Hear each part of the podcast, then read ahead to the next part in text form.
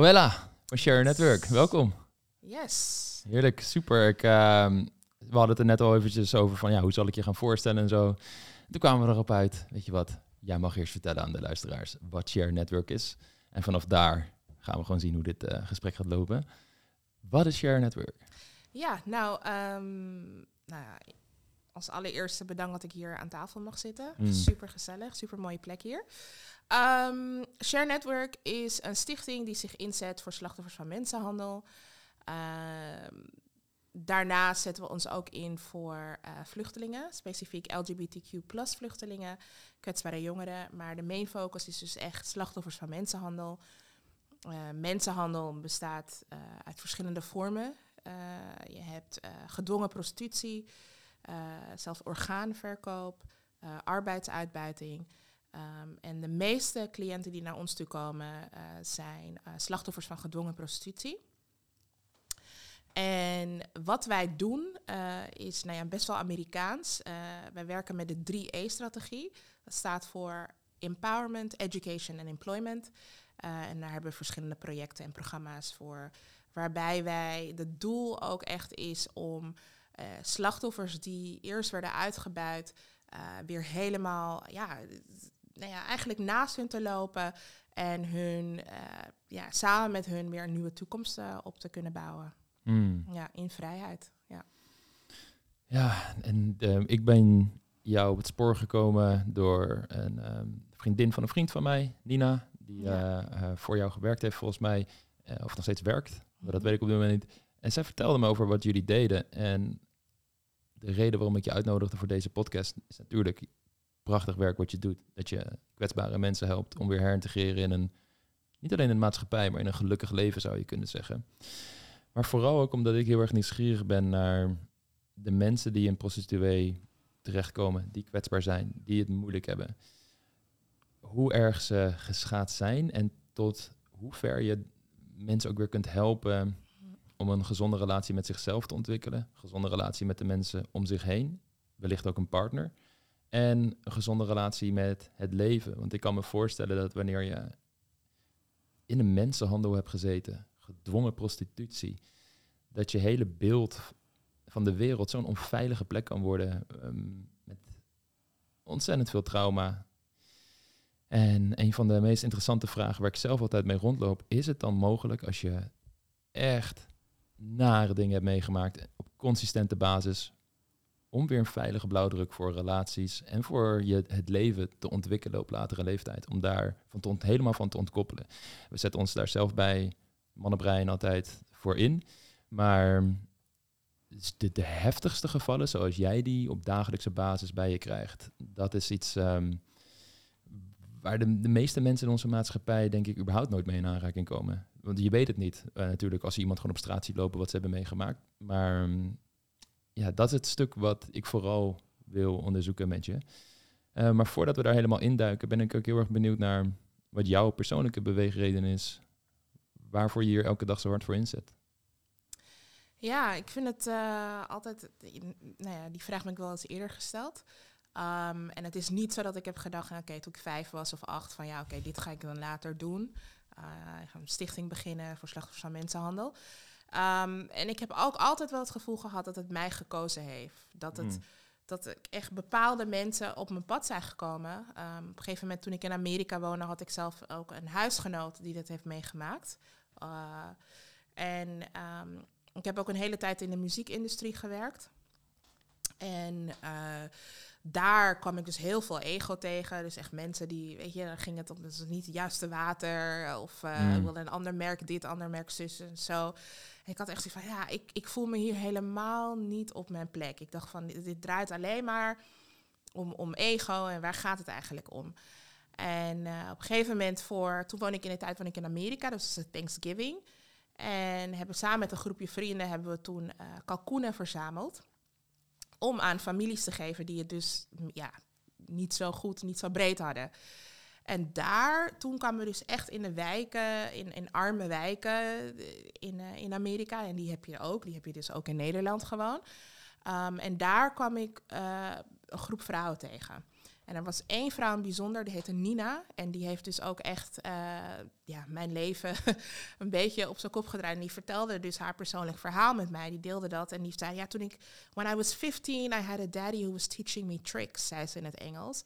Ja, je daddy. Maar dat, nou ja, daddy is dus een ander woord voor pimp en, of pooier. En, en tricks uh, zijn dus de daden die je doet. En toen werd ik dus in een heel nieuw wereldje gebracht. En ik wilde dus hier meer over weten. En ik had nog nooit over mensenhandel gehoord. Zelfs toen ik Nina sprak, wist ik nog, had ik de term mensenhandel of human trafficking uh, ook nog nooit gehoord.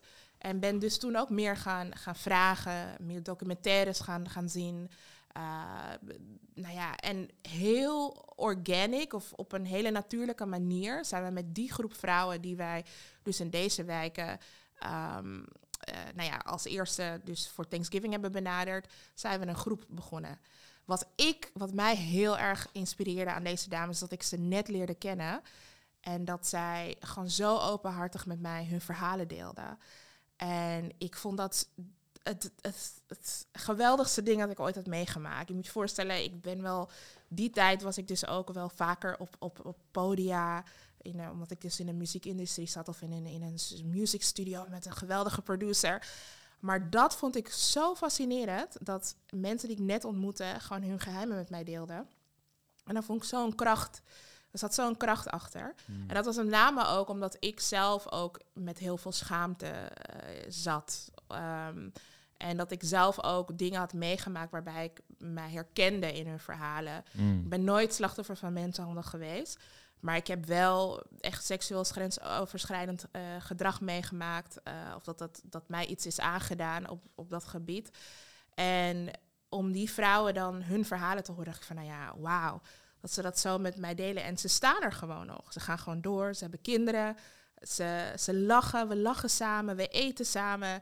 En dat betekent, het, het leven is niet over. Hmm. Um, en, en, en omdat ik me daar dus in meer ben in gaan verdiepen, uh, ben ik dus ook echt op zoek gegaan, oké, wie is hier in het, hiermee bezig? Dus je hebt echt verschillende organisaties vrijwilligerswerk gedaan, heel veel fouten gemaakt, maak nog steeds heel veel fouten. Um, en uh, ben, uh, toen uiteindelijk heb ik een, echt zo'n zo'n powervrouw die ik toen tegenkwam bij, tijdens een panel. Um, die heeft mij dus toen ook geïnspireerd van, hey, waarom, waarom start jij niet een stichting? Waarom begin je dat niet? Um, ik denk dat uh, representatie ook heel belangrijk is en jouw stem hierin ook heel belangrijk is. Ik van ja, nee, nee, nee, dat kan ik niet. En uh, toen toch maar gedaan. En nu zijn we bijna zes jaar verder. En, uh, en nu, ja, Vanaf het moment dat je Share Network startte, zes jaar ja, verder? Ja, zes jaar verder. Ja. En hoe oud was je toen, of hoe lang geleden was het toen je voor het eerst in aanraking kwam met mensen die in de mensenhandel hadden gezeten toen je nog in Amerika zat? dat is nu al, we zijn nu 2000, 2000 wauw, dat is alweer 15 jaar 15 geleden. 15 jaar geleden, wauw. Ja, ja, zoiets. Kan ik goed tellen? ja, 15 jaar, ja, ja, ja. Ja. Mm. ja, 15 jaar geleden, toen we dus de kalkoenen gingen uitdelen in, de, in de verschillende buurten. En tot op de dag van vandaag nog steeds contact met, met die mensen. Mm. En dat is echt heel mooi om, uh, om mee te maken. Ja, en uh, met sommigen gaat het heel goed. En anderen wat, net wat minder. Maar ja, maar ook om, om antwoord te geven op je vraag. Uh, als ik je zegt van, nou ja, kan je daar weer uitkomen? Ik, om een heel kort antwoord te geven, ja. Ik geloof, ik geloof in de mens. Ik geloof dat wij onze de weerbaarheid, in het Engels zeggen resilience, vind ik een heel mooi woord. Dat is iets dat ik keer op keer heb mogen meemaken bij verschillende cliënten die wij hebben. En waarbij ik echt van versteld van sta. Mm. Uh, van, en waarbij ik ook elke dag weer kracht uithaal, uitput. Want ja, ik heb niet meegemaakt wat jij hebt meegemaakt. We hebben echt dames, weet je, die, die met een, een pistool op hun hoofd in een hoekje moesten zitten. Dat is een heel dramatisch uh, een, uiterste. Um, en die gewoon nu een opleiding aan het volgen zijn. Of, of moeder zijn, wat ook al een hele grote taak is. Wat, weet je. En als ik dat dan zie, dan denk ik soms aan mijn eigen probleem. denk van ja, je hebt echt niets om te klagen. En natuurlijk, ik bedoel, je kan pijn niet met pijn vergelijken of trauma niet met trauma vergelijken. Like, alles geldt. Uh, maar ja, ja, ik geloof het. En als ik nou dan zeg ja, dan zou ik wel zeggen ja en. dat moet wel ook gepaard zijn, denk ik, met wel wat, wat goede, goede hulp. Mm. En dat, dat kan counseling zijn. Ik geloof ook heel erg in de kracht van community, van gemeenschap. Want het zijn vaak relaties waarin breuken zijn geweest of foute relaties eh, die er zijn, waarbij je dus eh, het trauma, je trauma is aangedaan. En ik geloof dus ook dus dat je dan weer gezonde relaties moet opbouwen om dan weer nieuwe dingen te leren. En ik ben geen eh, neuroscientist, maar die hebben het dan over paden die je maakt in je, hersenen en, dan, en om weer nieuwe herinneringen op te bouwen. Dus in de kracht van gemeenschap geloof ik ook heel erg. En dat proberen we ook te doen door special events. Zoals dinsdag hebben we een heel leuk event. Um, en uh, ja, natuurlijk ook gewoon rust te nemen. Rust te nemen um, en heel langzaam dat weer op te bouwen. Dan geloof ik wel dat dat kan, ja. Hoe ziet dat eruit wanneer een dame... Worden ze trouwens gevonden door jullie of vinden ze jullie? Ja, het zal waarschijnlijk een, van beide, uh, beide mensen komen. Misschien mensen die zelf merken van oké, okay, ik wil eruit, die gaan googlen, jullie vinden wellicht. Moet ik dat zo voor me zien? Of gaan jullie in bepaalde communities, in bepaalde buurten ook op zoek naar mensen? Hoe moet ik dat voor me zien? Ja, goede vraag. Um, 80% van de mensen die naar ons toe komen, komen door ons omdat ze het van iemand anders hebben gehoord. Een andere cliënt of iemand die met ons in aanraking is ge geweest. En ik denk dat wat we niet moeten vergeten is niet dat mensenhandel is niet gepaard aan armoede of, of dakloos. Je bent niet dakloos. Het is echt gewoon ook een, het is een, een criminele industrie. En omdat het een, een criminele industrie is, is het ook vaak heel ondergronds, underground. Mm. En dat, daar kom je niet zomaar achter. Dat, dat zie je ook niet zomaar. En daar, daar loop je wel vaker uh, voorbij. Daar loop, lopen jij en ik waarschijnlijk ook wel elke dag vaker langs. Ik kan me nog herinneren dat een, uh, een jonge dame uit Bulgarije... die als eerste een cover op heeft van ons heeft gekregen. Cover op tatoeage. Want dat komt ook soms uh, voor dat dames gebrandmerkt worden door hun employer als een teken van bezit.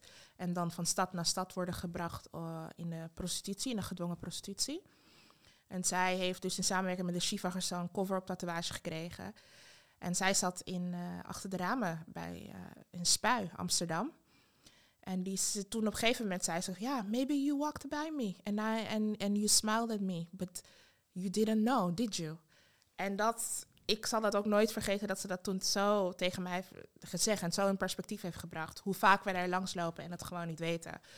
Um, dus uh, er zijn wel momenten geweest waarbij de politie, uh, zeg maar, dames naar ons toe heeft gebracht. Of via andere stichtingen. Maar over het algemeen is het uh, doorverwijzingen van andere cliënten.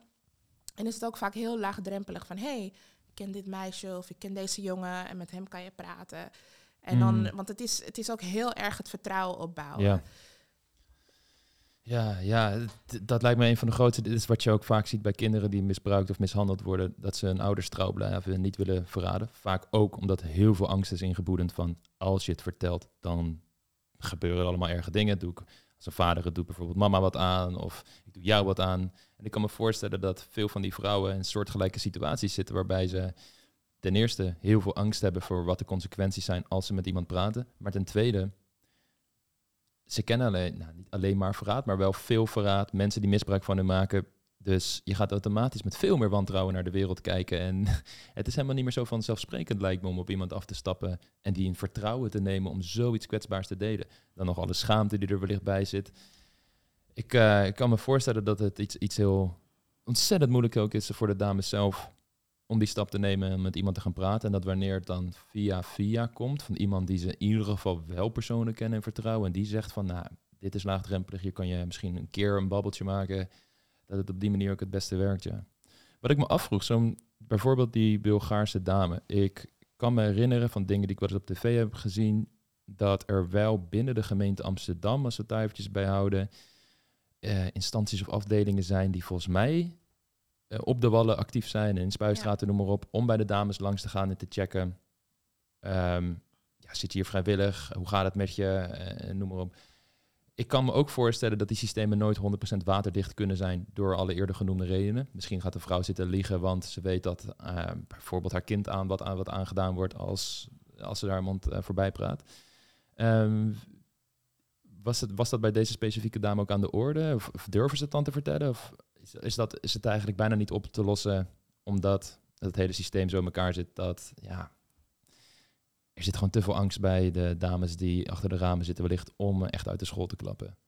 Ja, nee, je, je, je geeft eigenlijk al, al, antwoord op de vraag. Ja, mijn eigen vraag aan beantwoorden. Hè? Ja, er, ja. Er, er, zit heel veel. Er zit, ja, nee, maar dat is de criminele industrie. Hmm. En hier, hand, ja, kijk, uh, mensenhandel is uh, de snelst groeiende criminele industrie. Mm. Uh, daarvoor heb je nog drugs en wapenhandel. Ik heb pooiers wel eens horen zeggen dat je dus meer uit een mens kan halen dan uit drugs. Want drugs, dat verkoop je één keer en dan, dan ben je klaar mee.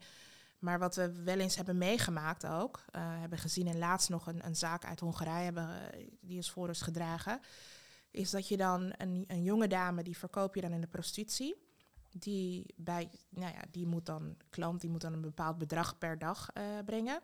Maar zij kan dus ook gewoon wel drugs verkopen uit haar kamer. Um, nou ja, als zij dan daar een beetje klaar mee is of zo, dan, nou ja, misschien wordt ze wel zwanger of kan ze als uh, draagmoeder uh, functioneren. En als dat dan over is, dan kan, ze dan, kan je haar organen nog verkopen. En dat, dat, dat zijn harde dingen. En, en pooiers hebben specifieke tactieken. Uh, de politie is natuurlijk vijand nummer één, met die praat je sowieso niet.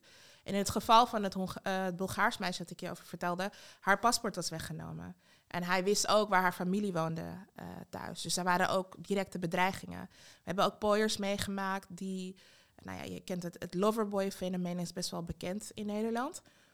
en in Duitsland heb ik ook een tijdje gewerkt. En dan had, had je een pooier die dan ook specifiek hondjes uh, gaf aan deze meiden na een tijdje. Ze waren dus eenzaam. En dan gaf, kocht hij dan een hondje voor hun. En dan dat werd dan, dan, die creëerde dan een band. En daarmee bedreigde hij ook. Ja, ik ga je, hield dan het hondje uit het raam. Van ja, als je niet doet wat ik zeg, dan gaat je hondje eraan. Dus er zijn allemaal tactieken waardoor uh, mensen niet direct zoals in de film Teken misschien um, in een uh, kelder ergens zitten of vastgebonden zitten, maar wel ook echt psychisch en, en metaal uh, gebonden zijn. En dat zie je niet zomaar. Hmm. Van de buitenkant in ieder geval. Nee. Het is de mentale, onzichtbare gevangenis waar mensen in rondlopen. In de vrije wereld, als het ware. Juist, ja. Hmm. En, en, en, dan moet ik, je had het ook over kindermisbruik. En um, ja, ik, wil, ik wil natuurlijk niet te veel eh, kracht geven aan de woorden van pooiers. Maar er zijn ook pooiers die hebben gezegd van ja, ik wil alle, alle vaders en ooms bedanken die dan hun kinderen hebben of hun dochters hebben misbruikt. Of, en, er zijn ook natuurlijk ook mannen die worden uitgebuit in de gedwongen prostitutie. Want die hebben, de, hebben deze dames nu klaargestrand. Als je kijkt naar uh, statistieken zelfs ook al zou je het vrijwillige prostitutie noemen, uh, of binnen de mensenhandel, naar kindermisbruik, en dan heb ik het ook over specifiek seksueel misbruik, of wanneer er een ouder niet aanwezig is. Het zijn allemaal factoren die bijna bij elk slachtoffer uh, voorkomen. Dus dat dat ook, heeft, dat ook een grote rol heeft gespeeld. En ik denk dat ze daarom misschien ook wel toch wel wat kwetsbaarder zijn. Ja, uh, absoluut. Er zijn, als er één ding uit de psychologie blijkt, is mm, dat naarmate je meer negatieve gebeurtenissen in je leven hebt ervaren, hoe groter de kans op het ontwikkelen van allerlei stoornissen, gedragsproblemen, maar ook hoe kwetsbaarder je bent voor depressie en gigantisch nare situaties zoals bijvoorbeeld mensenhandel of uh, loverboys of gedwongen prostitutie. Um, maar ook het aantrekken van narcistische partners. En ja. noem allemaal maar op. En daar is een hele sterke correlatie zichtbaar. Het is niet van oké, ik heb dit meegemaakt. Het is kazaal verband daadwerkelijk. Ik ga nu ook allemaal nare dingen de rest van mijn leven meemaken. Gelukkig. Uh, maar daar komen we straks nog op, op hoe je zoiets kunt doorbreken of kunt bijsturen. Maar dat het een gigantisch grote bijdrage levert aan de kans dat je veel narigheid later in je leven gaat aantrekken. Dat blijkt uit alles. En is er een, ik, ik snap dat elk individu een eigen verhaal heeft, maar je geeft al aan van, nou, de meeste komen wel uit gebroken gezinnen bijvoorbeeld. Um, tegelijkertijd hoorde ik je ook zeggen, het heeft niet zozeer met armoede per se te maken of wat dan ook. Het, kunnen misschien ook mensen zijn vanuit een, een gewoon een, een, middenstandsgezin, om het zo maar te noemen. Um, zijn er zowel typerende verhalen die je vaak ziet terugkomen, waar de meeste verhalen wel enigszins op lijken. Ja, ja, ik, ik, ja kijk, m- mensenhandel discrimineert niet. Eh, dat, dat sowieso, en dat, en dat gaf je dus ook net al aan. Eh, maar ik moet wel zeggen dat, dat ik heel vaak herken dat er één ouder mist. Eh, heel vaak. Ehm, of een, of een, een hele grote afwijzing. Vaak ook eh, toch, eh, eh, hoe zeg je? Homelessness, hoe zeg je dat in het Nederlands? Dak, dakloosheid. Dakloosheid, ja. Dakloosheid. ehm, dat, dat, ook, dat komt ook heel vaak terug. Dat ze vroeg Ah. op straat komen te staan, uit Ja. huis gaan, bedoel ja, je dat? vroeg op straat komen te staan. Ehm, en ook heel vaak seksueel misbruik of, of partnergeweld. Dat zien we ook heel vaak. Ehm, en daarnaast moeten we ook... armoede is, kan ook wel echt een grote rol spelen. Omdat je dan uit armoede komt. En dat is vooral als we te maken hebben met... ehm, eh, mensen uit wat, wat ja, ja, niet, niet welvarende landen. Eh, dat dit toch een soort van ehm, desperateness, dus een soort van, een, van ik moet een, een andere baan. Als ik naar dit land ga, dan komt het allemaal goed. Dus dan heb je zo'n persoon al in een kwetsbare positie. En Mhm. als de persoon de taal niet spreekt, als de persoon niet weet, eh, de, de infrastructuur niet kent van oké, waar kan ik aangifte doen? Of waar kan ik voor een uitkering? Of waar kan ik hulp krijgen voor mijn visum? Of weet je dan, en dan heeft zo iemand die dan iemand naar zo'n pooier dan gewoon echt heel veel controle over ehm, die persoon. Ja. Dat is volgens mij ook wel een beetje de kern van het verhaal. Als in, als jij ergens sterk naar verlangt. En dat verlangen wordt een soort wanhoop. En de andere persoon lijkt de sleutel te zijn, zodat jij dat gevoel bij jezelf weg kan halen. Zit je automatisch in een afhankelijke positie. ja. En of die wanhoop naar voort komt uit een geldgebrek en een betere kans op een soort materialistisch economisch leven. Of het is de wanhoop van ik ken niet echt liefde en deze persoon doet zo aardig tegen me. Moet je zien, hij koopt zelfs een hond voor me en hij luistert naar me en hij is er voor me. En deze kans, dit is misschien een kans op liefde ervaren in mijn leven.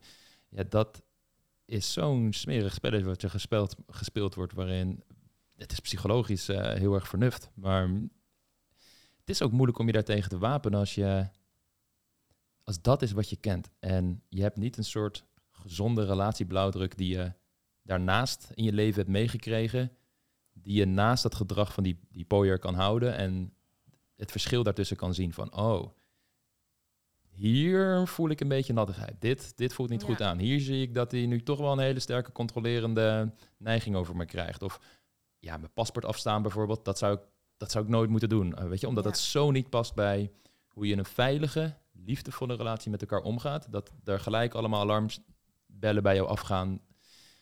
Waardoor, je, waardoor het verder, minder verder door escaleert en je er minder ver doorgezogen wordt.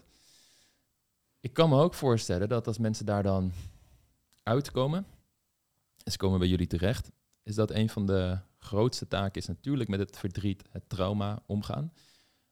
Maar het herintegreren in de maatschappij, ehm, dan zouden ze toch een wereldbeeld en ook een relatiebeeld moeten ontwikkelen, zodat ze met mensen om kunnen gaan die zelf wel een soort van veilige relatieblauwdruk hebben. Omdat als daar een te grote mismatch in zit, ja, dan, dan blijf je alsnog afgezonderd en alleen maar mensen aantrekken met wie je op hetzelfde niveau kan resoneren, als het ware.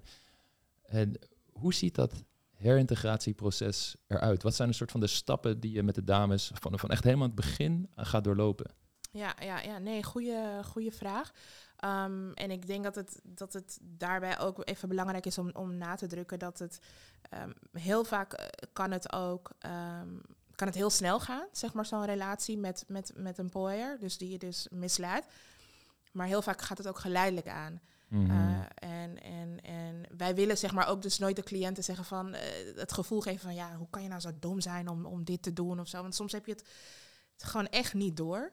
Um, en, en komen ze ook vaak in een moment waar er grote nood is of een groot verlangen is. En word je helemaal met, met cadeautjes, uh, you know, cadeautjes worden aan je gegeven en al dat soort dingen. En daarnaast zien we ook dat het nu heel erg beweegt op social media. Uh, er zijn ook gewoon heel veel mensen die vooral ook na, na de lockdown, gewoon heel, of tijdens de lockdown, gewoon heel eenzaam waren. Uh, mensen die niet zo heel goed passen, zeg maar, een beetje buitenstaanders zijn. Dat die ook heel makkelijk uh, slachtoffer worden, omdat ze dan aandacht krijgen van iemand online. En uiteindelijk gaat het dan over foto's sturen en dan later uh, wordt het telkens meer. Ehm, Moet, moet ik dat voor me zien als gewoon letterlijk eh, in de DM slide op Instagram? Of is het vooral ook, via- ja, en waarschijnlijk ook via dating apps, kan ik me voorstellen. Ja, ja, ja. Dus er wordt echt proactief, ja, bijna een soort, een ge- misschien een raar woord om te gebruiken, maar recruitment is wel het woord wat 100% in me opkwam. ja. zeker. En er zijn nu ook vooral in Amerika zijn er een aantal rechtszaken geweest waarbij ook echt eh, transcripts, dus echt hele Mm. Instagram DM's eh, zijn gekopieerd daar van Facebook om als bewijs te gebruiken dat dit dus echt met voorbedachte raden is, is gedaan. Eh, en daar zijn ook eh, eh, rechtszaken uitgekomen waarbij er dus nou, een pos- positieve uitspraak is geweest. Ehm, maar aan de andere kant zijn er ook gewoon heel veel wetten nog niet ehm, eh, in werking wanneer het gaat over het online gebeuren. Dus het Hmm. online is een soort van wilde westen op dit moment. Dat geldt niet alleen maar voor, de, voor gedwongen prostitutie of mensenhandel, maar dat geldt voor heel veel branches op dit moment. Ehm, dat we gewoon nu een beetje alles weer opnieuw moeten uitvinden. En hoe beschermen we eh, kwetsbare tieners? Ik denk dat tieners sowieso eh, heel kwetsbaar zijn. En wij eh, gaan ook af en toe bij de jeugdzorg langs. En daar komen ook heel veel slachtoffers tegen. Maar jij vroeg dus naar hoe zou een proces, ik het niet vergeten hoor, hoe zou een proces eruit zien? Want dat vind ik natuurlijk ook wel heel mooi om over te praten. Ik, ik denk dat het ook heel belangrijk is om hier bewustzijn, eh, om aandacht aan te geven van, nou ja, aan de, de, de, de, de pitfalls, wat, wat, er, wat er minder goed aan is. En ik, ik hoop, wellicht luistert er iemand die misschien met iemand in gesprek was, die van, hé, hey, oké, misschien moet ik toch wel even opletten. Mm. En dat, dat hoop ik ook wel. Ehm, maar het mooiste en wat ons gaande houdt, is dus dat je dus wel echt iemand kan zien die gebroken binnenkomt en dan uiteindelijk gewoon weer op zijn twee voeten staat. En dat betekent natuurlijk niet dat alles altijd eh, oké is. Wij zijn niet altijd aanwezig bij het moment van rescue. Dus het moment dat zij gered worden, dat de politie inbreekt of dat zij aangifte doen. We hebben dat wel een paar keer gedaan. Uh, maar dat is niet echt wat wij doen. Wij komen meestal daarna, als iemand al in een opvanghuis zit of geplaatst moet worden, um, dan komen wij. En, zo, nou ja, en dat doen we dan ook in overleg uh, met de psycholoog. Op dit moment uh, hebben we dus nu een aantal studenten uh, in wat wij noemen Share Academy. En ook in onze nagelworkshops en in waar zij dus echt ook IT leren. Of leren te programmeren. En dan hebben we één, kan je daar best wel een verhaal, een voorbeeld van geven. We hebben één jonge dame die ook onder valse voorwenselen naar Nederland is gebracht. Eerst eigenlijk naar Italië. En toen uh, een drankje kreeg en wakker werd in Nederland. Van een vrouw, van een Nederlandse vrouw. Een Nederlandse een vrouwelijke pooier. Ze uh, was in Italië, daar kreeg ze een drankje en werd wakker in Nederland? Ja, ze dacht dus dat zij in Italië zou gaan werken. Daar zou ze in, in, in een kledingwinkel werken. Uh, dat is natuurlijk, de euro is dan meer geld dan wat zij zou krijgen in haar land. In haar land uh, vertel ik liever niet. Mm -hmm. um, en in Italië had ze dus een Nederlandse dame ontmoet. Die heeft haar een drank gegeven. En toen werd ze dus in uh, Nederland wakker. En daar kwam ze in een appartement terecht waar ook nog andere vrouwen waren. En waar zij dus, um, nou ja, tegen haar wil seks moest hebben met, uh, met uh, klanten. En ja, ze zag ook hoe andere dames in elkaar geslagen werden. Dus zij dacht van ja, ik ga dat niet doen. Uh, lang, lang, lang verhaal. Helaas heeft ze dit dus mee moeten maken. Ook met, met klanten dus tegen haar wil seks moeten hebben. Um, is ze uiteindelijk, haar pooi heeft zelfs haar haar geknipt. Echt, echt verschrikkelijk behandeld. Wij mogen haar haar dus nu uh, weer mooi maken. Mm. Het zijn ook echt hele mooie momenten om dat mee te maken. Zo'n uh, make-over doen we ook wel. Mm. Um, en dan een hele fotoshoot erbij. En die foto's geven we dan ook aan, uh, aan de cliënten, waarbij ze dat, dat moment ook kunnen herinneren. Um, en uiteindelijk was ze, is ze zo ziek geworden door alles, dat haar pooier haar niet meer kon gebruiken. En heeft haar echt letterlijk aan de kant van de weg uh, gelaten ergens. En in, in Nederland gebeurde? In Nederland. In Nederland. En dit is, uh, dit was nog dit jaar begin dit jaar, in de kou. Ja. En um, iemand heeft haar toen uh, naar het ziekenhuis gebracht. Nou ja, zij zit nu in een opvangcentrum en is dus nu ook in therapie. En omdat wij, dat ons, dit onze specialisme is, hebben we dus nu in samenwerking met haar psycholoog, dat zij dus goedkeuring heeft gekregen om in onze academie te kunnen gaan.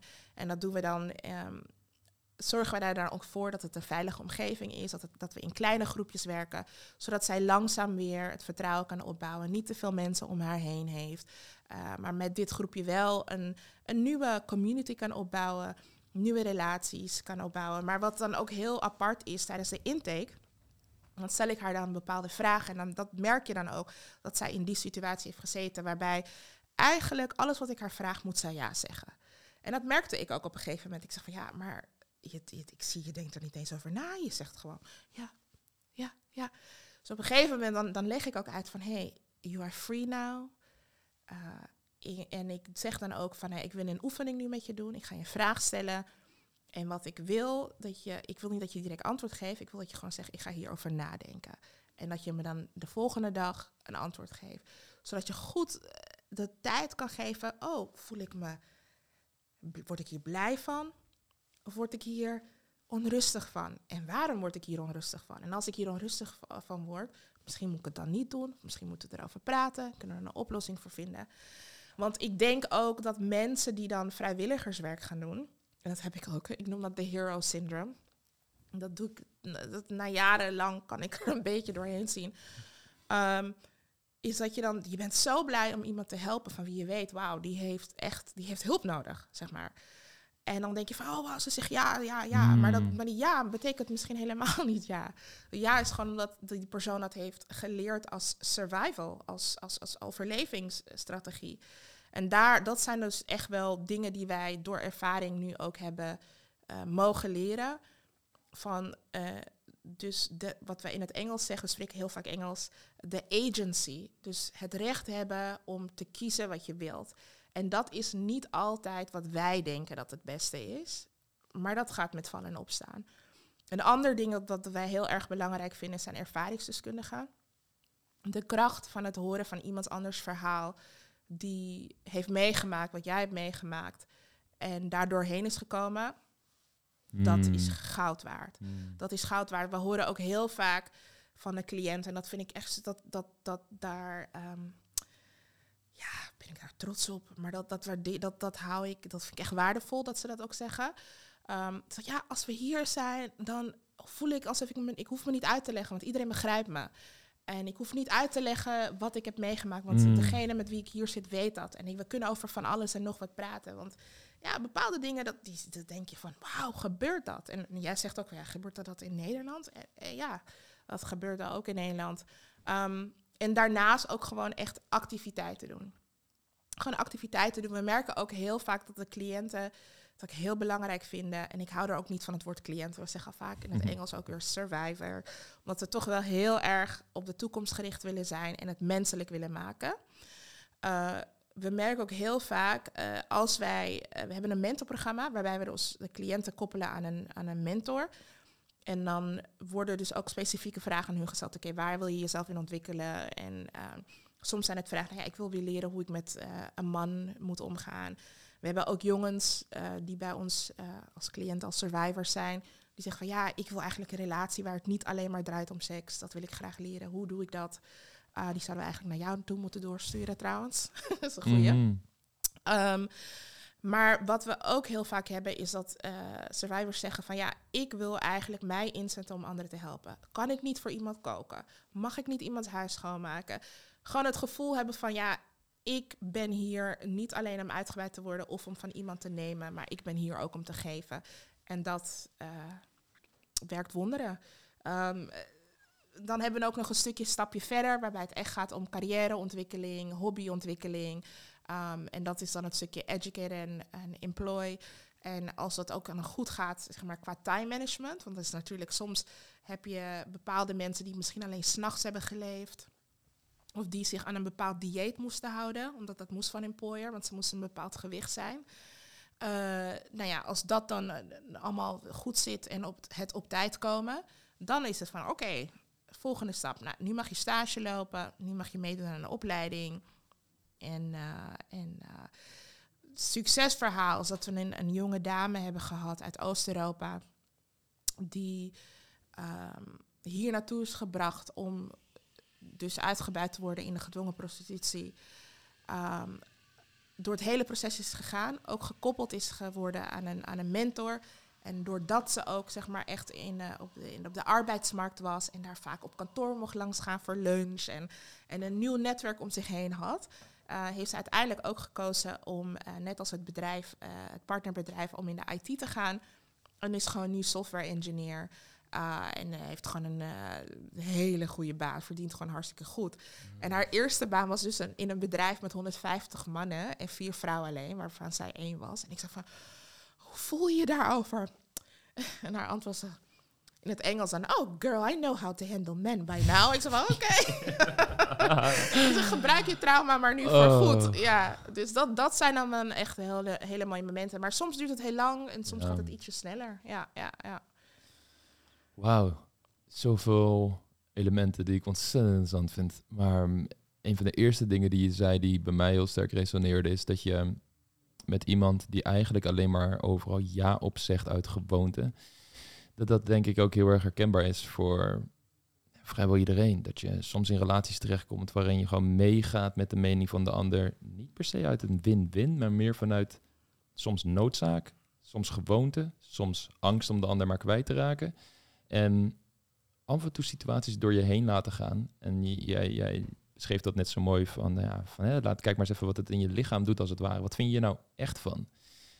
Dat dat volgens mij heel erg bijdraagt aan je authentieke stem vinden van oké, maar wat vind ik nou mm. echt van iets? Ik als mens met mijn individuele eigenschappen die kan ontwikkelen en ontplooien in deze wereld en mijn stem echt kan laten gelden en iets supermoois kan bijdragen.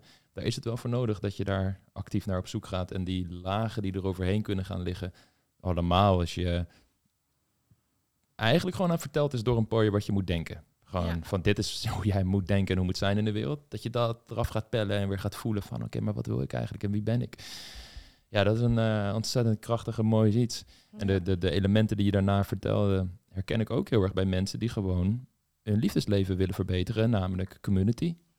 Like-minded people die soms hetzelfde hebben meegemaakt of erger, waar je inspiratie uit haalt. Een van de redenen dat ik ook mensen naar de podcast haal, uh, die een, een hele reis hebben doormaakt of nog steeds aan het doormaken zijn en die hun zo dapper genoeg zijn om hun verhaal te delen in deze podcast. Uh, wat ontzettend moedig is, maar ook heel erg inspirerend en motiverend voor andere mensen. En de blauwdruk die die daarin meegeven vervolgens van oké, nou, hè, zijn je authentieke stem aan het vinden. Je bent niet alleen, je hebt een community. Uh, kijk, hier zijn wat succesverhalen van andere mensen die nu op een betere plek zijn in hun leven. Is dat wat je wilt? Ja, oké, dan is hier als het ware de blauwdruk die je kunt volgen, zo goed en kwaad als het gaat. En dan kom je op een betere plek uit. Er is hoop, er is een licht aan het einde van deze tunnel. Je zei al van ja, soms gaat dat wat sneller, soms gaat dat wat langzamer. Een van de dingen die ik me altijd afvraag op training is, ik probeer dat altijd, een voorspelling te maken wie heel hard zou gaan op die training en wie niet. Het is een, een interessant spel. Uh, ik word er steeds beter in, maar ik kan nooit 100% zekerheid mijn vinger daarop leggen. Mensen blijven me altijd verrassen. En dat is ook wat het mooie, denk ik, aan de mensen, uh, mens zijn. Maar de reden waarom ik het doe, is omdat ik beter wil begrijpen wat nou de elementen zijn, waardoor sommige mensen sneller gaan en harder kunnen gaan. Want als ik dat eenmaal in beeld heb, kan ik misschien iets creëren waardoor ik de mensen bij wie het wat minder hard gaat, kan helpen om meer die elementen eh, op te roepen of te ontwikkelen bij hen. Ik weet niet precies hoe ik dat zou moeten doen. Heb je daar al iets? Uh, nou, ergens, en dat dat blijft toch wel echt een, een, moeilijke vinden, is gewoon het stukje intrinsieke motivatie en ergens ook het geloof dat het kan. Dus een soort van, oké, dit is niet alleen mogelijk voor andere mensen, maar dit is ook mogelijk voor mij. En ik heb het vuur binnen in mij, waardoor ik er ook echt voor durf te streven. En sommige mensen, en dat herken ik dus ook, en dat zijn meestal ook de meest zwaar getraumatiseerde mensen die bij ons komen, maar niet altijd. Als ik met ze praat, ik krijg een soort verwarde antwoorden. Het, ze weten zelf ook niet zo goed wat ze echt willen. En het is allemaal een beetje uh, wollig. Uh, het is, en terwijl andere mensen waar ik van weet, die gaan hard. Als ik ze iets vraag, bam, krijg antwoord terug. Soms weet ze het niet, maar dan is het wel gewoon, ze kijken je in de ogen aan. Ik praat tegen iemand, voor, dus iemand thuis zou je kunnen zeggen. Bij die andere is er meer een soort dissociatie die daar heeft plaatsgevonden. Soms door zware trauma's, maar is niet, niet altijd. En soms zit ik dan dus van, oké, wellicht is het ook nog te vroeg dat je hier bent en moet je eerst MDR, traumatherapie volgen voordat je bij ons gaat komen. En ehm, ja, de meer praktische kant van de liefde gaat beoefenen en uh, je datevaardigheden gaat opkrikken. Maar uh, ik ben heel erg benieuwd hoe jij dat eigenlijk ziet. Of jij zo'nzelfde soort tweedeling, heel zwart-wit gezegd, merkt. Dat je al een beetje kan merken van ah, deze persoon, daar zit dat vuur misschien al in. Ik denk dat die sneller zal gaan dan een ander. Of herken je dat? Of? Ja, ja, ik herken wel wat je zegt. En ik, ik denk uh, hoe, hoe we dat kunnen zien is, mee, is we houden ervan om altijd een, een 12 weken termijn te hanteren. Omdat je toch ook ruimte moet laten voor één verandering. Maar ook om daadwerkelijk acties te zien. Dus hmm. als je dus uh, als je het hebt over nou ja, op tijd, iets heel praktisch als op tijd komen. Dat het kan bij ons wel een dingetje zijn. En dat kan ook zeg maar cultuurgebonden zijn. Of nou ja, gewoon iets dat je altijd vanuit huis hebt geleerd. En van oké, hoe kom je dan nu wel op tijd? En hoe, uh, welke acties neemt zo'n persoon?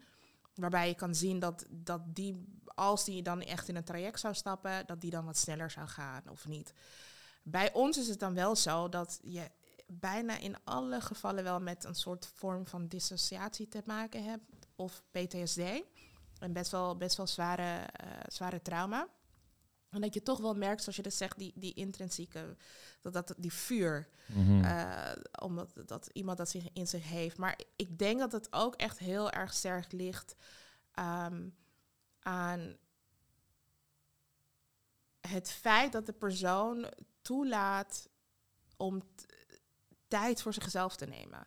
Dat merken we dat heel, heel moeilijk is. Dat het dus niet gaat om uh, oké, ik zit in de gedwongen prostitutie, maar misschien kan ik toch nog geld aan mijn familie geven. Of ik verdien dit, want dit is al mijn hele leven lang gebeurd dat ik misbruikt ben. Dus dit hoort nu, dit, dit hoort bij mijn leven. Hmm. En het moment dat een persoon dan zegt van oké, ik mag dit, ik mag tijd voor mezelf nemen.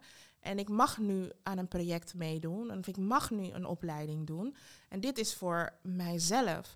En het moment dat die persoon dat toelaat en uh, niet meer zeg maar, in een soort van overlevingsangst zit. En dat hoeft niet per se met iemand te zijn die in de mensenhandel heeft gezeten. Want ik denk, ook als je van een heel welvarend familie komt um, en je een bepaalde druk, prestatiedruk krijgt, kan dat je ook uh, verlammen in een zekere zin. Van oké, wat moet ik nu doen?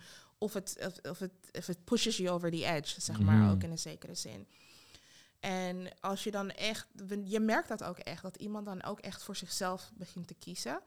Uh, en de juiste uh, keuzes voor zichzelf maakt. Um, en dat gaat met vallen en opstaan.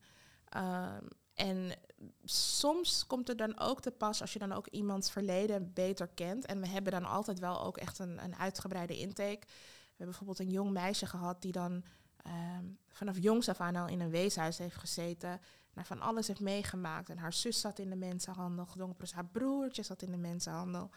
Um, en, en, en, en zij is zelfs ontmaagd geweest in, in Amsterdam, in, in, in een Red Light District in Amsterdam. En daar merk je ook bij, ze heeft haar rechtszaak gewonnen, een hele grote schadevergoeding gehad. Maar ja, zij wist niet hoe ze met geld moest omgaan. Tegen wie had ze de rechtszaak? Tegen haar pooier heeft ze haar rechtszaak ah. gewonnen. Uh, maar zij wist gewoon niet hoe ze met geld moest omgaan. Um, zij heeft ook nooit ergens, in het weeshuis wordt ook niet voor haar gezorgd, want ze kwam uit een land waar dat niet zo goed geregeld is. Um, en het, het, was heel apart toen ze haar schadevergoeding gekregen heeft. kwam er plotseling familie uh, die zij nooit gezien heeft, kwam plotseling naar haar toe. Dus, dus dan merk je ook wel, oké, die heeft nooit echt de kans gehad om bepaalde hmm. dingen te leren. En dan, dan weet je gewoon van dat het niet gaat om alleen om, oké, die wil het misschien niet of die heeft de vuur niet. Maar die moet gewoon weer nieuwe dingen aangeleerd worden. En de eerste vraag die me stelt, kan dat? Dan zeg ik ja. Ja, dat kan ook bij haar zelf. Dat gaat dan wel langer duren, maar daar is ook echt wel therapie voor nodig. Dat is, dat is een heel uh, village voor nodig. Weet je, therapie, een, een, een, een, dokter, maatschappelijk werker, uh, nou ja, community, gewoon vrienden, nieuwe vrienden. Want bij haar was dan ook het geval dat zij dus dan vaker in uh, toxic uh, relaties terechtkwam. Ja. En dan, uh, weet je, weer in zo'n situatie terechtkwam. En dat, en dat um, daarom zijn wij Share Network ook begonnen. Statistieken, statistieken of feiten, die zijn altijd wel een beetje hard. moeilijk om echt te zeggen, nou ja, dit is het. Maar als je bepaalde boeken leest of, of, of, of googelt, zeggen dat 80% van slachtoffers weer slachtoffer wordt. omdat ze in een soort van cirkel vastzitten en de schaamte zo groot is. Hmm. En dan dezelfde, hetzelfde soort mensen opzoeken. Ik, ik kan me heel goed voorstellen dat jij daar ook wel ervaring mee hebt of, of dat hebt gezien. Ehm, en dat proberen wij dus ook echt te doorbreken. Dus op wat wij noemen op een holistische manier, verschillende kanten dat aan te pakken en met partners te werken. Uh, en elkaar op de hoogte daarvan te houden. Van hey, wat zijn de signalen die je hebt opgepakt? Oké, hoe kunnen we da daar in gesprek over gaan? En uh, wat kunnen we daaraan doen? Ja. Wat je daar zegt, dat er een hele village, een heel dorp voor nodig is om zo iemand te helpen. En dan noem je allemaal hulpverleners op. Uh, het is bijna nog letterlijker, zou ik zeggen, dat je een dorp nodig hebt van, doe ik even met aanhalingsteken, uh, liefdevolle, functionerende mensen die in een, een soort enigszins goede samenleving hebben opgebouwd, waarin jij kan zien hoe het leven er ook uit kan zien, ja. als het ware. Zodat je rolmodellen hebt waarin je aan kunt passen. Het is een hele mooie documentaire van uh, Ellen Dubiton van School of Life. En heet uh, Statusangst, Status Anxiety, is een Engelse documentaire. En laat hij heel mooi zien dat we vanuit de samenleving komen, een soort anarchie, waarin koning en zo de baas waren. En dat de boeren en mensen, het, het gewone volk, accepteerden dat ze zo waren. Want dat was het wereldbeeld wat iedereen had. Er zit gewoon een hele sterke hiërarchie in onze samenleving. Tegenwoordig leven we in een meritocratie. Wat betekent dat we allemaal denken dat we gelijke kansen hebben op succes. Maar als er wel één ding blijkt uit vrijwel al het onderzoek, is dat dat complete bullshit is. En ja, er is vrije wil en je hebt een keuze hoe je met problemen omgaat. Maar de kans dat jij keuzes gaat maken die goed voor je zijn en waarmee je succesvol gaat zijn, liefdevolle relaties opbouwt op het moment dat heel jouw omgeving ellende is en vanaf moment één ken jij stress en mishandeling en misbruik, wat zelfs een impact heeft op de ontwikkeling van je hersengebieden. Ja. Om maar iets te noemen, het, is, het, gaat veel verder dan alleen maar hè, werk eventjes aan je mindset. Nee, ja. het is daadwerkelijk fysiologische, neurale ja. veranderingen die je moet, moet doormaken. Dan is het, is het een, een is er gigantisch veel voor nodig om zo, zo iemand te helpen. En ik denk dat dat ook de juiste manier is om er naar te kijken. Uh, en ik ben het helemaal met je eens dat het dan nog steeds mogelijk is om zo iemand te helpen. Maar bijvoorbeeld één dame die bij ons loopt, die komt uit een gezin met haar beide ouders zijn uh, tweede generatie oorlog trauma slachtoffers. Dus uh, dat komt nog allemaal voort uit de Tweede Wereldoorlog dan. Zij is opgegroeid met mishandeling, is misbruikt door mensen in de buurt. Dus, dus, vanaf jongs af aan ellende. En je ziet dat ze ook in een omgeving zit waar er heel veel getraumatiseerde mensen rondlopen. En als dat is wat jij kent, dan is dat ook hoe jij met andere mensen omgaat. Waardoor je mensen die meer, gewoon goede mensen, geen kwade intenties, maar daar niet mee resoneren en veel kalmer op een klein incidentje reageren bijvoorbeeld. Als jij dan helemaal uit je, uit je dak gaat en je wordt heel boos, dan denken mensen die heel kalmer op reageren, oeh, ja, maar dit is energie die ik niet in mijn omgeving wil hebben. Het is niet per se super bewust, maar dat merken ze wel, door ze gewoon niet met jou een diepe veilige relatie aangaan. Ja. En daardoor isoleer je jezelf steeds meer en kom je alleen maar met andere mensen die hetzelfde op zo'n situatie reageren, want die accepteren dat gedrag of die gaan daarin mee of wat dan ook. Waardoor, het een, waardoor je iemand echt uit zo'n omgeving haast zou moeten halen of, of een, in ieder geval moet laten zien hoe ze vanuit zichzelf anders op zo'n situatie kunnen gaan reageren, zodat ze misschien mensen in een omgeving ook weer inspireren om aan zichzelf te werken. Maar dat, dat vraagt nogal wat. En helaas is het zo, waar we het ook voor de uitzending al over hadden, dat we in een kapitalistische samenleving leven waarin er nou eenmaal niet zoveel geld te halen valt bij mensen die in de prostitu gedwongen prostitutie of mensenhandel hebben gezeten. Dus het moet ook altijd vanuit stichtingen kopen, hulporganisaties en noem maar op. En uh, ik zie niet zozeer heel snel een, een oplossing daarvoor, maar ik denk dat het internet, YouTube-kanalen, een gigantisch belangrijke rol erbij kan spelen, omdat mensen veel meer toegang kunnen krijgen tot kennis die hen daadwerkelijk kan helpen. En tot Ja. misschien wel coaches, stichtingen, noem maar op. Waardoor ze het heft meer in eigen handen kunnen nemen. En als je vroeger dat niet had, ja, waar ga je dat dan leren? Ja, Mhm. misschien bij wel alsnog wel een, een hulporganisatie of een stichting. Maar er zijn meer mogelijkheden, gelukkig, om eruit te komen en te groeien als persoon en met je patroon aan de slag te gaan. Eh, is dat ook iets wat, ja, waar je van misschien zelf wel van denkt dat dat in de toekomst ook mogelijk gaat zijn? Dat je misschien meer mensen kan gaan bereiken via het internet? Of dat er eh, misschien wel programma's ontwikkeld worden waarin je... eh, jullie doen natuurlijk... Je hebt al een heel programma hoe je iemand kan herintegreren in de maatschappij. Maar denk je dat dat soort dingen ook meer via internet mogelijk zouden kunnen zijn tot op zekere hoogte? Ik denk nooit helemaal, maar hoe, zie jij dat? Heel interessant. Nou ja, ik, ik denk dat we een, een, een kleine micro-example hebben gehad, micro-voorbeeld hebben gehad tijdens de lockdown. Tijdens de lockdown mochten we niet bij elkaar komen.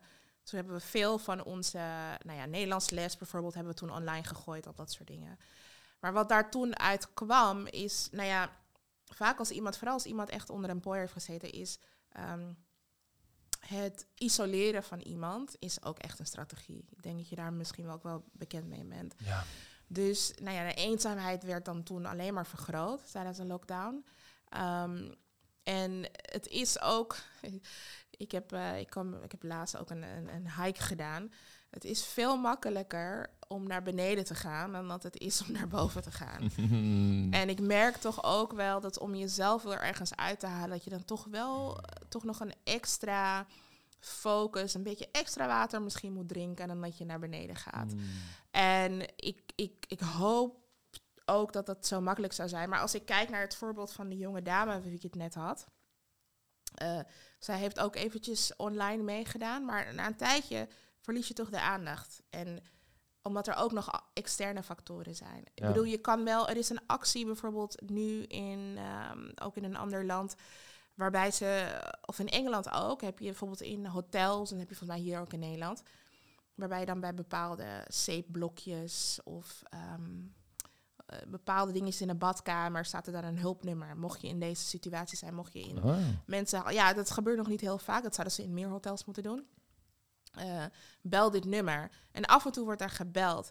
Maar de, de, de invloed die de trauma al over je heeft en wat je gelooft over jezelf, Ja. dat kan soms veel meer. Ja, Sterkere zwaartekracht als het ware. ja, Het is moeilijk ja. om daaruit te breken, ja. Ja, ja. Alhoewel, ik, ik, ja, ik denk dat het wel mooi is, maar ik geloof ook nog wel heel erg in de kracht van het samen zijn. Ja, absoluut. Het samen zijn. Je, je merkt toch wel als je. Nou ja, wij hebben ook aan de telefoon gesproken.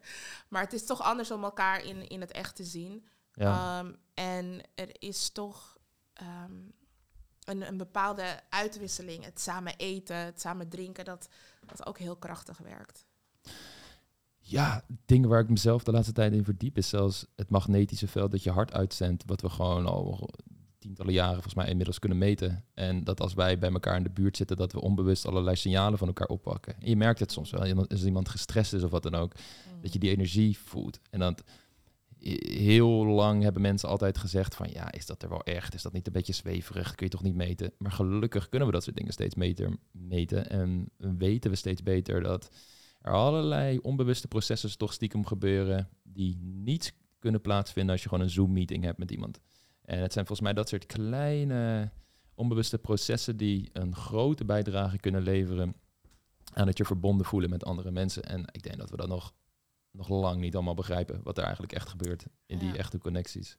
Ja. Wat, wat ik ook heel interessant vond, is wat je vertelde, is dat iemand zichzelf een verhaal kan vertellen van ja, maar ik verdien eigenlijk ook niet beter, want dit is wat ik mijn hele leven al heb meegemaakt. Of ik moet het eigenlijk ook wel doen, want mijn familie is slechter af. En ja, die moeten toch ook wel geld hebben. Wij zien dat als een soort oud verhaal dat iemand zichzelf vertelt, waar je van wilt ontkoppelen, zodat er ruimte ontstaat om een nieuw verhaal te schrijven. Ik kan me voorstellen dat er dat heel veel gebeurt via de therapie, waar jullie niet altijd bij zijn. Dat het ook heel veel gebeurt in archetypes en rolmodellen krijgen van andere vrouwen die al hetzelfde hebben meegemaakt en uitgebroken zijn, zodat je een pad hebt wat je kunt volgen. Ehm, heb je een, een verhaal van iemand die dus dat echt exact zo zag? Vanaf jonge leeftijd al misbruikt, veel narigheid meegemaakt, wat het dan precies ook in haar situatie was. Die echt een nieuw verhaal is gaan leven. Het is gewoon een gelukkige relatie. Misschien wel zelfs kinderen erbij. En gewoon een, een goede baan. Eh, Heb je dat soort verhalen van vrouwen die bij jou komen? Ja, die, die verhalen hebben we wel. Zeker, zeker. Ehm, nou ja, vrouwen die... eh, en ik denk dat er ook nu een paar in, in eh, hoe zeg je loading zijn. Zeker, waarbij je ook echt al hele mooie grote stappen ziet. Het is zo'n downloadbalk voor me in mijn hoofd. Ik ben heel visueel, dus ik zie dan gelijk zo hoe dat gaat. Ja. New life loading. Ja. Ja. Zo, nee, maar zo, echt zo voelt het ook. En, en dan Mm. die, als je het hebt dan over die, die meetbare magnetische dingen. Nou, vanochtend was dan ook weer zo'n moment. Dat je dan, je ziet de excitement van de studenten die er zijn. En dan voel je gewoon van, oké, loading. Weet je, Mm. new life loading. Mm. Ehm, en ja, dat hebben we zeker meegemaakt. Iemand die dan, eh, eh, nou ja, gedwongen achter de ramen stond. eh, en, en, en fulltime baan, getrouwd, eh, hondje, nog geen kinderen. Wel, twee hondjes zelfs. Ja. Dus dat, dat, dat zeker. En dat is dus ook gekomen door eh, het traject bij... Ja, ik wil niet zeggen, ja, het traject bij ons en dan, dan komt alles goed. Zo is het Mm. helemaal niet. Maar door verschillende voorbeelden te zien. Mm. En door in gesprek te gaan met mensen die hetzelfde mee hebben gemaakt. Ook daadwerkelijk, wat een van de dingen die we ook heel vaak doen. En het zijn niet alleen maar mensen die hetzelfde hebben meegemaakt. Eh, het zijn ook gewoon, ehm, we hebben dat ook wel eens gedaan, vrouwelijke entrepreneurs bijvoorbeeld. Of gewoon entrepreneurs die eh, misschien ook wel een hele andere achtergrond hebben. Maar die Ah. gewoon de struggles in het leven hebben meegemaakt van... hé, hey, ik had deze droom om mijn eigen eh, kledingzaak te beginnen. En het is zo moeilijk geweest, maar kijk me hier staan. En dan doen we dan vaak ook op locatie. Dan kunnen ze het voelen, ze kunnen het zien. Het is waar. En ik denk vooral, ik weet het niet, maar ik heb wel het idee, bij onze doelgroep is werkt dat heel sterk. Omdat ze heel vaak, is hun niet de waarheid verteld.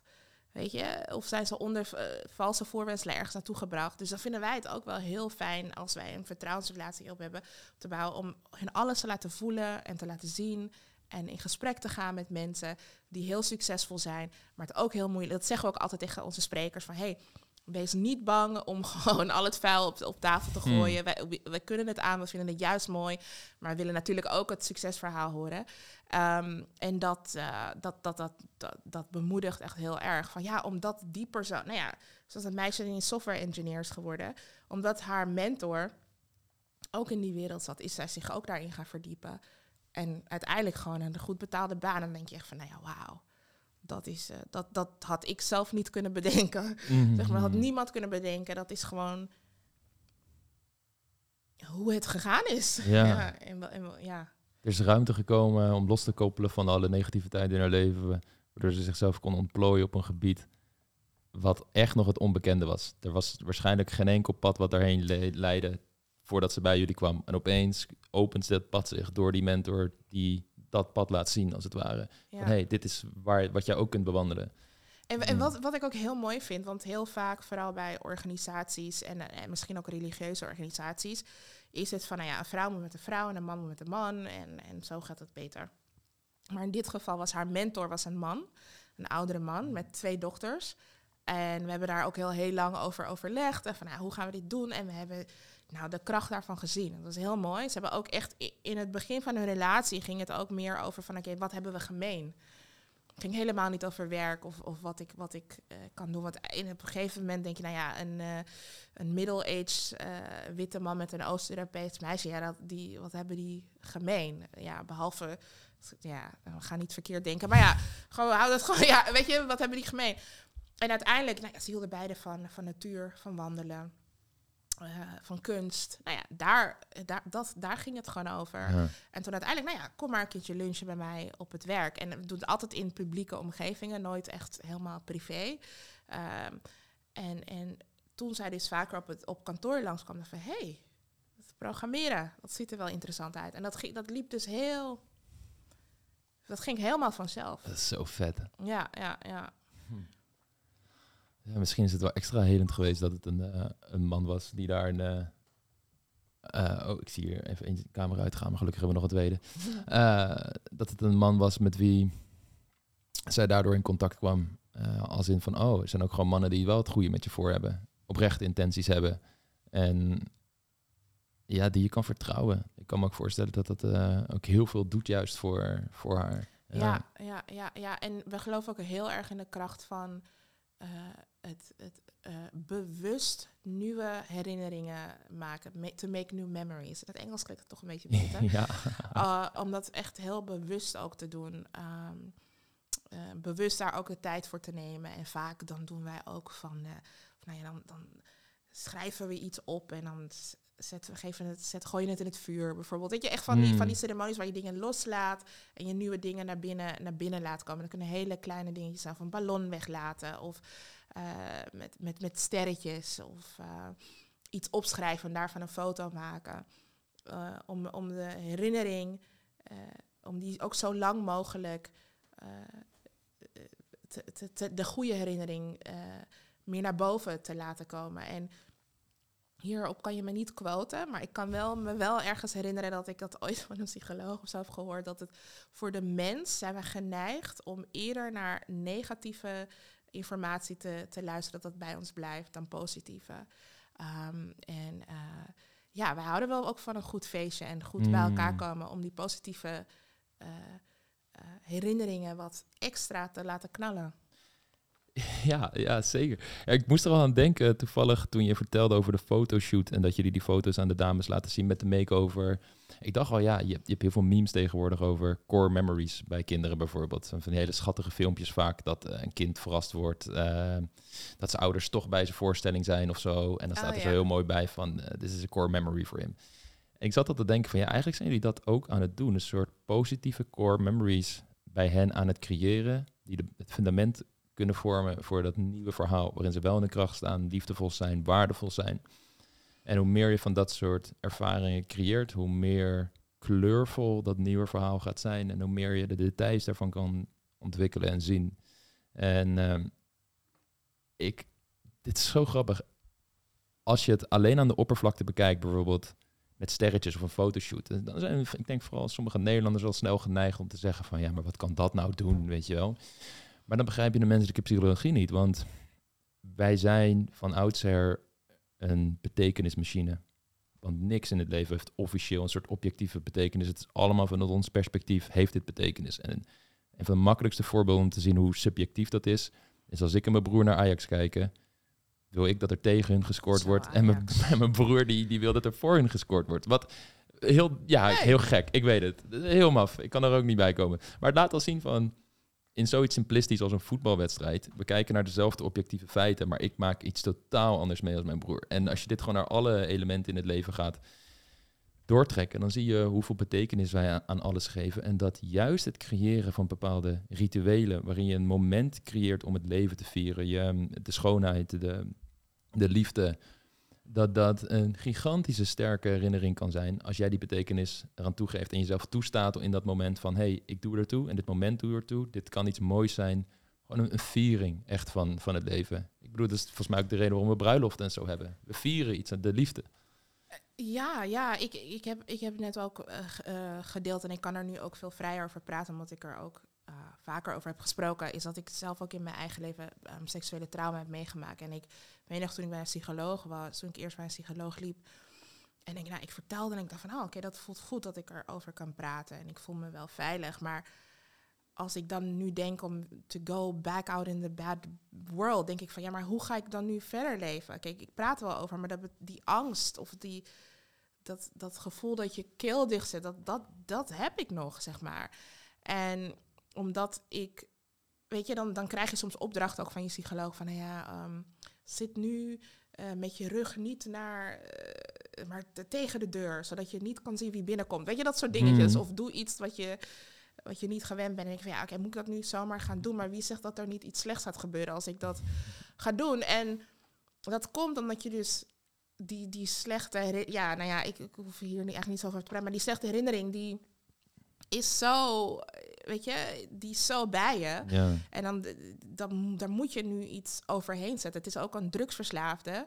Dan kan je ook niet gewoon zeggen, oké, stop nu maar gewoon even met, uh, met, drugs. Dat het zit ook, uh, zeg maar, in het brein ja. uh, verbonden. Um, en, en ja, wij, wij proberen dat dus op een hele praktische manier onder andere ook te doen. Is dan gewoon zeggen van, hé, hey, we verwachten niet hebben bijvoorbeeld ook danslessen gehad.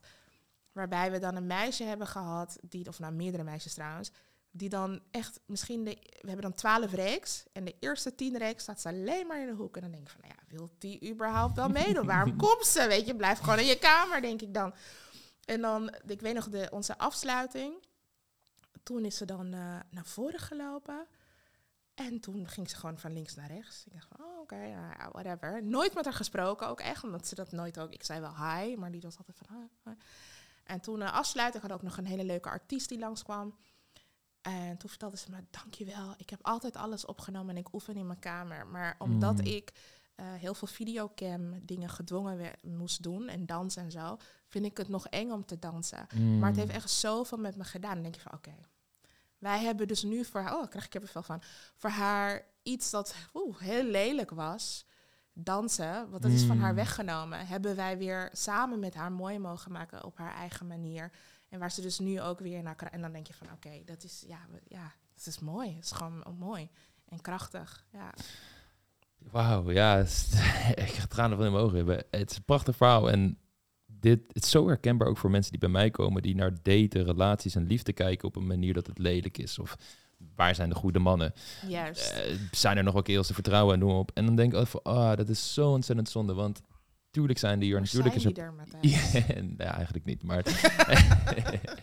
maar dat kan ik natuurlijk niet hier zo live zeggen, dat houden we even tussen ons. Mm. Maar dat, eh, dat weet je wel, en dat is op, op heel veel verschillende manieren kun je dat ervaren in het leven. En volgens mij is dat ook waar het in essentie om gaat. Is van, hey, als er bepaalde dingen zijn waar je echt naar verlangt, liefde, daten, eh, op een liefdevolle manier, een baan vinden die, die echt tof is, ehm, lekker in je lichaam zitten of wat het ook voor jou is, ga op zoek naar mensen die een rolmodel kunnen zijn voor jou, die wellicht in een soortgelijke situatie za- zaten en nu iets hebben bereikt, wat jij stiekem ook wel graag zou willen. Zoek die blauwdruk die je kan volgen. Zoek like-minded people. Zoek dat je, zorg dat je een community hebt. Zorg dat je dat dorp om je heen creëert. En als je op die manier er echt mee aan de slag gaat, ja, dan is er zo ontzettend veel, veel mogelijk. En waar mensen op dit moment, ehm, in wat voor situatie ook zit, ik hoop dat dat de elementen zijn die mensen vooral uit deze, ook uit deze podcast halen. Want ik begrijp dat een groot deel van de luisteraars natuurlijk gelukkig niet zelf in mensenhandel en noem maar op heeft gezeten. Maar wat ik in ieder geval heel erg sterk heb teruggehoord in, in het verhaal dat je hier vertelt, is hoe universeel de dingen zijn nog steeds waar de dames eigenlijk mee rondlopen. Het lage zelfbeeld, het oude verhaal dat ze moeilijk kunnen loslaten, het wantrouwen richting de wereld, het onrecht dat ze is aangedaan en dat ze er toch op een hele krachtige manier mee om leren gaan, dankzij ook eh, dat werk eh, wat jullie doen. Ehm, ik vind het prachtig wat je doet. Ik wil je heel erg bedanken eh, voor dit gesprek en dat je hier bent aangeschoven. Ik waardeer dat heel erg en ik hoop dat jullie nog vele mensen mogen helpen. Heel erg bedankt voor dit gesprek in ieder geval. Ja, jij ook bedankt. En eh, ook bedankt voor wat jij doet. Ja, zeker. Dat was hem. Ja. Boom. Welkom terug. Mic drop. Nee, grapje. Oh man, ik had helemaal niet eens meer aan dat, aan dat meisje gedacht, joh. Dat die, met De wie we dansten, ja. Prachtig verhaal. Ik voelde echt twee, drie keer